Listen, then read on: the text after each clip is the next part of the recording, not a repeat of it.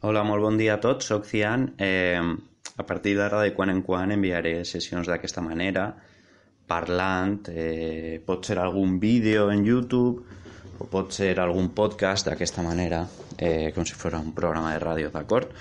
Eh, bé, benvinguts, segon, segon D, segon E. Mireu, eh, els exercicis d'esta setmana són eh, les normes d'accentuació, D'una banda, pàgina 84 del llibre i l'ús de la dièresi, pàgina 85. Eh, les normes d'accentuació en alguna ocasió les he explicades en classe, val? recordeu que, per exemple, les agudes tenen unes normes, les planes unes altres, les estrúixoles. Quines són aquestes normes? Eh, agudes. Paraules agudes, recordeu que són les que tenen la síl·laba tònica la última de totes. Val? Eh, en este cas, quines s'accentuen? Les que acaben en una vocal, igual que el castellà, però ara ve una diferència amb el castellà. No són totes les Ns i les S com en castellà, sinó que en valencià el que fem és aprendre una espècie de cançó, típic. Ases i sosus en in. Ases i sosus en in. D'acord? És a dir, vocal més totes les S, totes les vocals i la S, i només la E i la I acabat en N. Eixes sí s'accentuen, d'acord? Tota la resta no. Per exemple, en, on, un, aquests acabaments de, de paraula aguda no s'accentua. Després, les paraules planes, quines s'accentuaran? Doncs eh, les que no s'accentuaven en les, eh, en les agudes, d'acord? Així de senzill. Quines són les que no s'accentuaven en les agudes? Doncs les que acaben en consonant, per exemple, val? o en on un, l'acabament aquell, en on un, o qualsevol altre, altre acabament amb S que no siga ases i sosus o eh, amb N que no siga en in, d'acord? En fi, Eh, bàsicament seria això, ja ho he explicat, eh, com dic alguna vegada en classe, és per a fer un repàs, i després les esdrúixoles eh, s'accentuen totes, absolutament totes.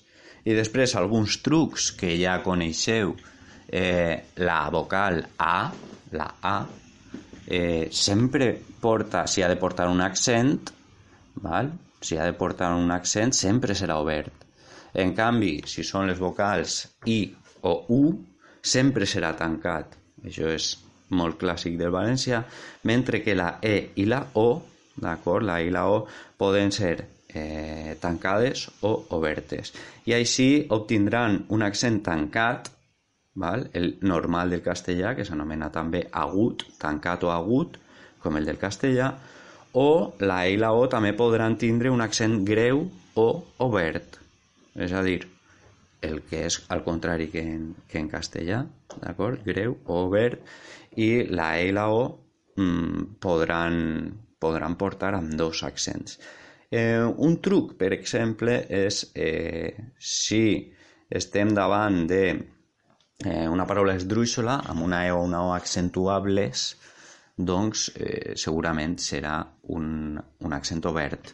Les paraules que són esdrúixoles, com són més complexes, i totes aquelles paraules que són com més científiques o més cultes, o, d'acord, d'aquest estil com eh, paraules més mm, acadèmiques, per dir-ho d'alguna manera, doncs portaran una, un accent obert, la E o la O. Val? Més cosetes que es poden, que es poden dir, doncs n'hi ha, els, recordeu que els monosíl·labs, i jo diria que això també ho he comentat en classe alguna vegada, els monosíl·labs, les paraules que només tenen una síl·laba, no s'accentuen mai, excepte, i sempre faig el mateix, d'explicar-me així, excepte eh, algunes paraules típiques que han de diferenciar-se d'alguna manera, com per exemple el verb ser és, val? Ell és porta accent, en canvi, quan és un pronom, ell es vesteix. Val? Quan es vesteix, en aquest cas que és un pronom, ahir no portaria accent. Recordeu que eh, amb això dels accents diacrítics, per exemple, la paraula son i son, son el verb i son de son pare, per exemple, o que tinc son, eh, perquè no he dormit bé, val? El, el que porta l'accent també és el verb, d'acord? És i són sempre porten accent el que, els que són el verb, d'acord? I si ens trobarem algun altre accent diacrític en el que hem de diferenciar el verb d'un eh, un pronom, per exemple, doncs també serà el verb el que porta l'accent, com un altre que no està així al llibre, que és el pronom te. Val? El pronom te eh, has de portar-te bé. Val? Això no porta accent, en canvi, si eh, és el verb, ell té molts caramels. Doncs eixe té de tindre, val? ell té, eixe sí que porta l'accent. Són tres dels exemples d'accents diacrítics en els quals podeu veure que és el verb el que porta l'accent. Després, altres típics accents diacrítics, és a dir, per a diferenciar-nos eh, unes paraules d'unes altres, eh, monosíl·labes. Per exemple, més i més. Més, el mes de l'any, no porta accent. En canvi, més, donant més d'això que tens, eixe de quantitat, un adverbi, eh, sí que portaria l'accent. O, per exemple, el món el nostre món ara mateix està en una situació estranya, no? Estranya. En camp, això sí que portaria accent. El món de la Terra, el globus terraqui, o el món, el nostre món, el nostre, la nostra manera de viure, etc. Això sí que porta l'accent, mentre que eh, mon pare, per exemple, mon pare no, no el porta. Val? Eh, bé, després feu l'exercici 15, de la pàgina 84 per a, per a veure que heu comprès més o menys això de les normes d'accentuació. Eh, recordeu de fer un esquema també d'aquestes normes, agafeu tot el que vos diu el requadre del llibre i feu un esquemeta per a tindre clar quines paraules s'han d'accentuar i per què.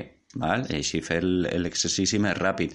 És convenient que el feu abans l'esquema que l'exercici per a així fer com fèiem en classe amb allò dels pronoms, no? d'anar comprovant la llista de, de la taula i anar comprovant la llista de paraules i anar corregint-les. D'acord? Enviaré un altre, un altre àudio per a la sessió de la, de la dièresi que també haureu de fer aquest exercici per a, per a esta setmana. D'acord? Eh, ja, vos, eh, ja vos envio un altre àudio. Moltes gràcies per escoltar-me. Adeu.